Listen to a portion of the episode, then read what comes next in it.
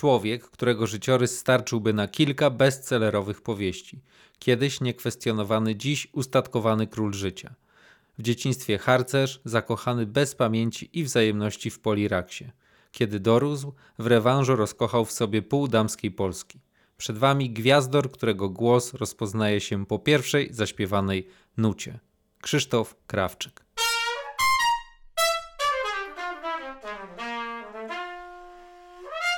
Playboy, grudzień 2006.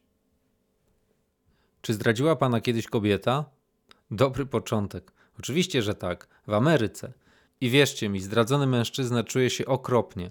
Wpadłem w totalną depresję. A mój kolega skurczybek mówi: Dam cię do takiej grupy, że szybko wyzdrowiejesz. Chodziło mu o regularną komunę.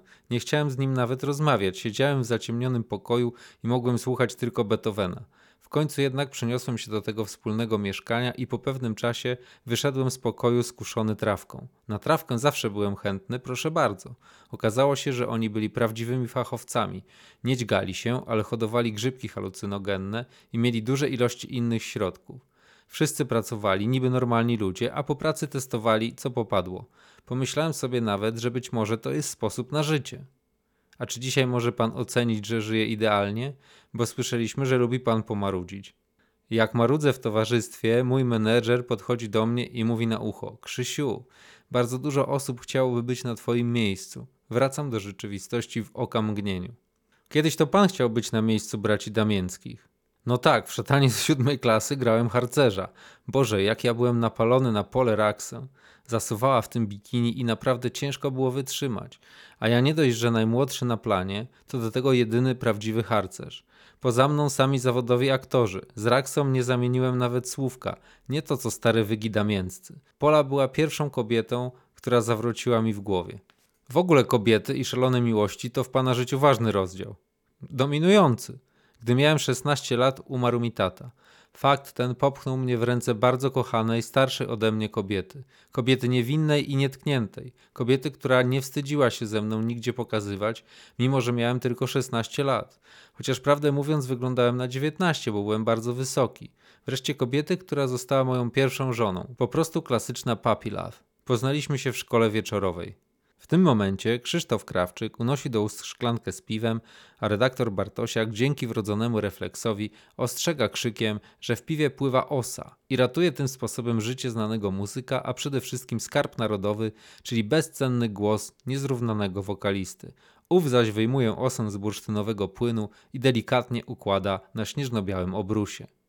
Jak pływam w basenie, to nie wybijam tych wszystkich owadów, tylko wynoszę je na brzeg i myślę, że to dobry uczynek. Wydaje mi się, że mają układ nerwowy, że cierpią, że odczuwają ból. Na tym punkcie jestem kompletnie pierdolnięty. Są sprawy, które chciałby pan wymazać z życiorysu? Oj, panowie, jest tego trochę. Wiecie, mam teraz wielkie szczęście, że jestem z Ewą, że się ustatkowałem. Dobrze mi z tym. A byłem przecież poligamistą, bez wielkich ekscesów, co prawda, ale uznawałem to za rzecz całkowicie normalną podobnie jak 90% moich kolegów, a władcy tego świata usunięcie dziecka uważali wtedy za pryszcz. Spowiadałem się z tego i już nie czuję się winny. Nie miałem świadomości, że mogę w ten sposób odbierać komuś życie. Byłem głupi.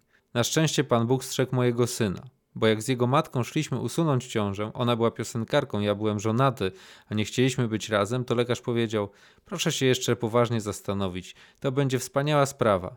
Musiałem wziąć rozwód i zdecydować na inne życie. Zacząłem śpiewać romanse w warszawskich knajpach. Bywało ciężko. Ciężka praca to dla pana nie pierwszyzna. Zaczynał pan jeszcze w dzieciństwie jako goniec. To nie jest trudna praca, ale na pewno upokarzająca. Goniec to człowiek na posługi. Zarabiałem 650 zł.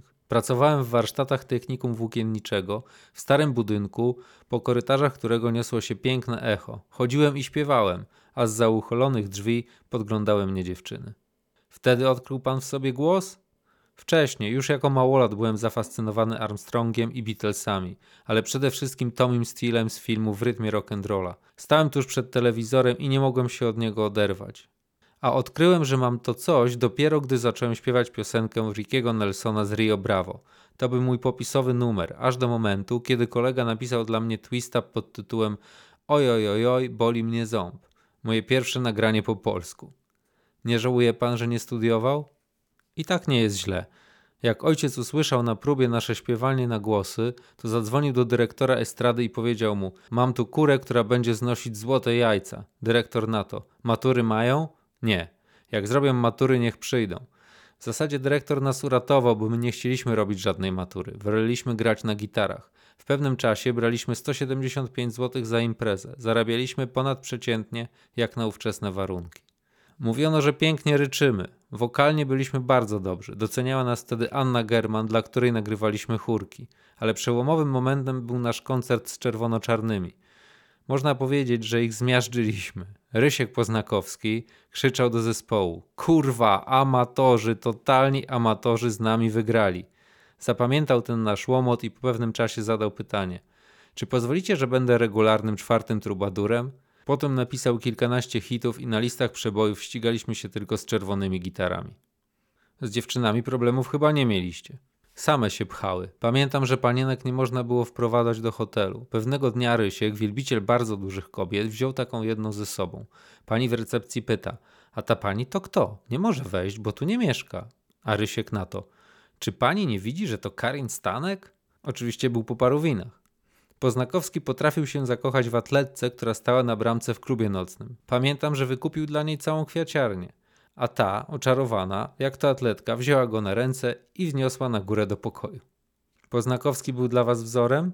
Zdecydowanie. Można powiedzieć, że to on nas zdemoralizował. Wcześniej w zasadzie nie piliśmy alkoholu, ale on robił tak doskonałe zakąski, że bardzo to polubiliśmy. Poza tym był z nas najstarszy, najbogatszy i najinteligentniejszy. Często krytykuje pan waszą pierwszą płytę. Dlaczego? Nie lubię jej. Przyjęliśmy manierę Beatlesów, która po polsku brzmi po prostu homoseksualnie. Nie mogę jej słuchać bez zażenowania. W ogóle twierdzi pan, że starego krawczyka ma dość. Panowie, co tu udawać? Szpanowało się trochę w życiu. Dziś jak patrzę na stare zdjęcia, na których wyglądam jak cacuś, to się zwyczajnie wkurwiam. Rozdęte nozdrza, wzrok ale Valentino. Teraz już nikogo nie udaje, ale moja żona do dziś zachwyca się tamtymi zdjęciami. O wilku mowa. Pani Ewa wnosi właśnie parującą zupę. Przepyszny kapuśniak z prażochami. Ewidentnie rozstał się pan ze szpanerstwem, bo nie słychać o żadnych liftingach, powiększaniu ust i innych korektach. Wiecie, nie wykluczam. Popatrzę kiedyś w lustro, nie wytrzymam i zafunduję sobie jakieś naciąganie twarzy. Demonstruję naciągając policzki w kierunku uszu. Pamiętam, co Dolly Parton, pokazuje arbuzy na wysokości klatki piersiowej, odpowiedziała na pytanie, dlaczego zrobiła sobie 17 operacji plastycznych. Dla moich fanów, żeby ich nie straszyć.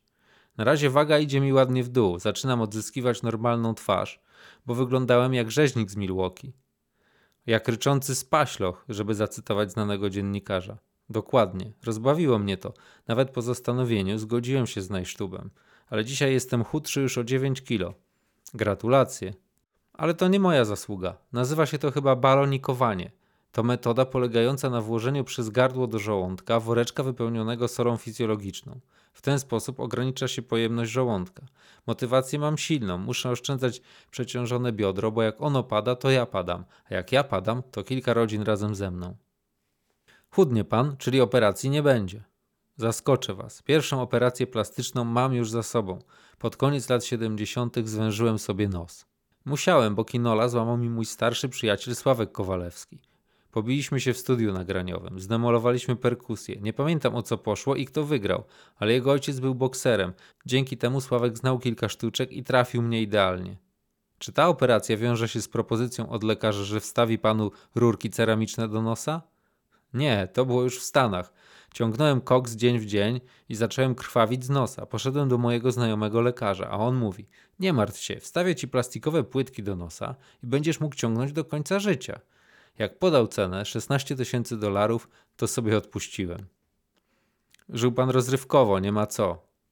Kiedyś nawet brałem PCP, czyli środek do rozśmieszania i uspokajania nosorożców. Kiedyś też byłem haszmanem, ale zdarza się i dzisiaj, że jak mi coś wkurwi, to zapalę. Nie lepiej pójść do psychoanalityka? Ludzie wydają 300 zł na coś takiego, zamiast chodzić do spowiedzi, która jest za darmo. Poza tym spowiednicy mają psychoanalizę na studiach. Uczą się jej z tych samych podręczników. Często chodzi pan do spowiedzi? W miarę. Mam jednak duży problem. Każda moja spowiedź to mantra. W kółko to samo. Ale co wy, jesteście z gościa niedzielnego? To lepiej wróćmy do odchudzania. Słyszeliśmy, że najlepszą sylwetkę miał pan w Stanach, kiedy pracował fizycznie. Układałem dachówki z góralami za 350 dolarów tygodniowo. Byłem barmanem, a także jeździłem limuzyną. Ale po dwóch tygodniach milionerka mnie wypieprzyła, bo jeździłem po polsku, czyli hamowanie i zoom, i boom, i dzium. A dobry kierowca limuzyny prowadzi samochód w taki sposób, że można w środku herbatę wypić. Pracowałem też jako majster przy projektowaniu balkonów i wyjść ewakuacyjnych, między innymi dla polskich sióstr mieszkających w murzyńskiej dzielnicy. Kiedyś w roboczym ubraniu usiadłem do kościelnych organów i zacząłem grać polskie kolendy. Skończyłem i dostałem brawa. Za moimi plecami stała czwórka zachwyconych siostrzyczek. Rok po moim powrocie ze Stanów dostałem informację, że siostry szukają tego organisty i chcą go zatrudnić na stałe.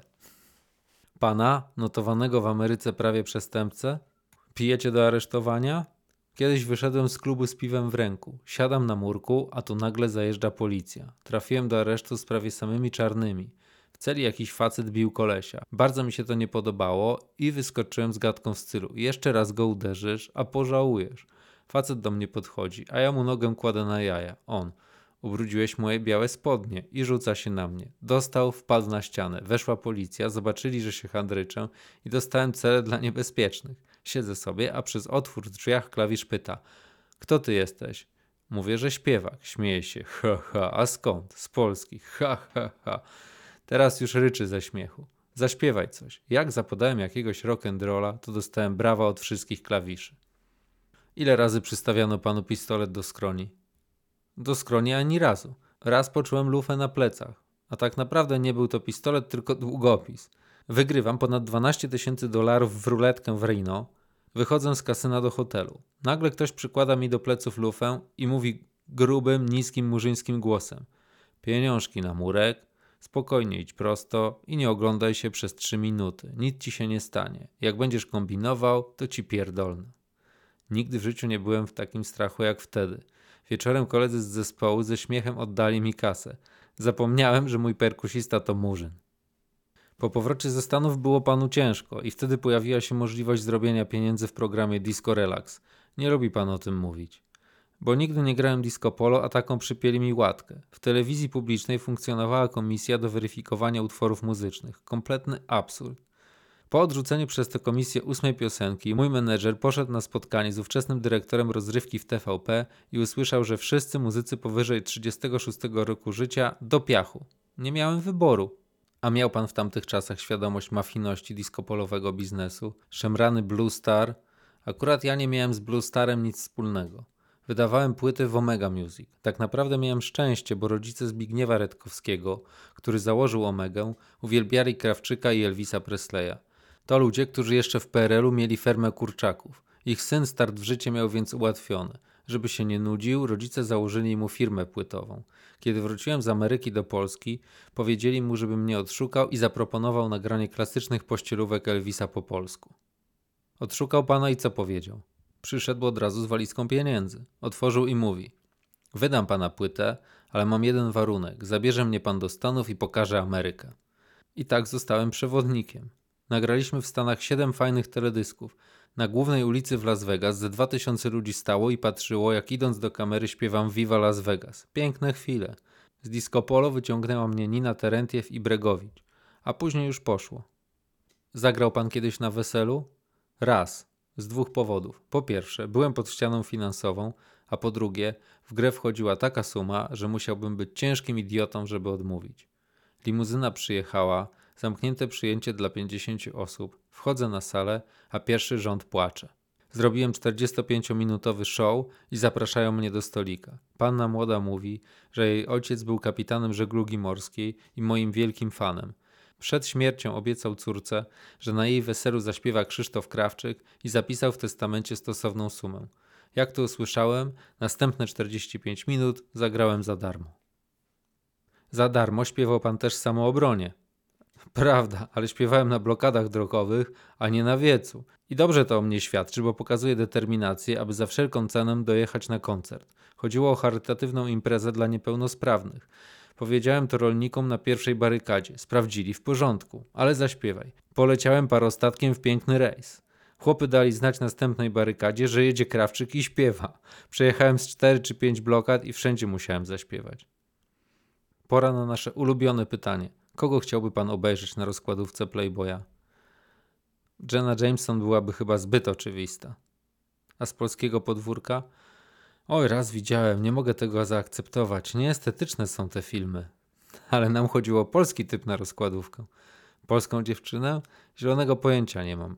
Wybierzcie sami. Może poleci pan koleżankę po fachu? Niestety nie polecę, bo chciałbym jeszcze trochę pożyć. Może moja żona? Jakby się mogła trochę zasłonić, żeby nie była zupełnie sotę. Ewa jest przepiękna, ma bardzo zgrabną nogę i piękne oczy. Kobiecy instynkt każe pani Ewie w tym właśnie momencie pojawić się w drzwiach z drugim daniem. Pani Ewa Krawczyk. Żeby była jasność, gospodyni sama wszystko zrobiła. Jedzenie ekologiczne, warzywa z ogródka, świeżutkie, niepryskane. Proszę napisać, że jedzenie było super. Potwierdzamy. Wybitny talent kulinarny. Żona bywa zazdrosna? Przy niej każdy ksiądz to małe piwo. Taka jest ortodoksyjna. Kiedyś grałem koncert i oślepiony nocnym światłem skoncentrowałem wzrok na najciemniejszym punkcie sali. Po koncercie Ewa chciała się rozwodzić, bo na linii mojego wzroku była podobna jakaś dziewczyna. Nie wspomnę już o naszym prawdziwym rozwodzie. Gdyby nie świadkowie mojej niewinności, pokojówka i bagażowy w hotelu, prawdopodobnie nie zeszlibyśmy się ponownie. Ewa uwierzyła w moją zdradę po tym, jak zobaczyła fotomontaż przygotowany przez kandydatów na naszych bliskich przyjaciół. Facetowi podobała się Ewa, a jego żona chciała skonsumować mnie. Myślę, że to była ich główna motywacja. A jaka jest najgłupsza plotka, jaką pan o sobie usłyszał? Moja żona myślała, że jestem gruby, że mam perukę i jedno szklane oko. Powiedziała mi później, że się mile rozczarowała. Teraz żona podobno nie pozwala panu zgolić wąsów. Ewa rzeczywiście się nie zgadza. Raz zgoliłem, byłem w szpitalu i mnie zmuszono. Wdało się chyba jakieś zakażenie od zęba. Dziwnie wyglądałem. A tak naprawdę nie mogę zgolić wąsa, bo umowa z firmą fonograficzną jest taka, że nie wolno mi zmieniać wizerunku. A co z wizerunkiem muzycznym? Marzy mi się nagranie płyty smooth jazzowej, ale to byłby album tylko dla dziennikarzy. Kto to kupi? Ten pęd na listy przebojów, walka o top, to wszystko utrudnia decyzję. Powiedzcie coś o tym siwemu, czyli mojemu menedżerowi, bo on nie jest zachwycony takim pomysłem. Andrzej to ortodoks, tragedia. Dzieli płyty na strategiczne i okazjonalne.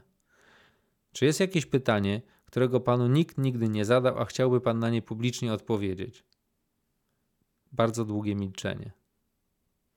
Nikt nie zapytał mnie, co bym zrobił, kiedy po śmierci zobaczyłbym Chrystusa. Co by pan zrobił? Odetchnąłbym z ulgą, że istnieje i wypłakałbym mu swoje niedowiarstwo. Krzysztof Krawczyk, Playboy, grudzień 2006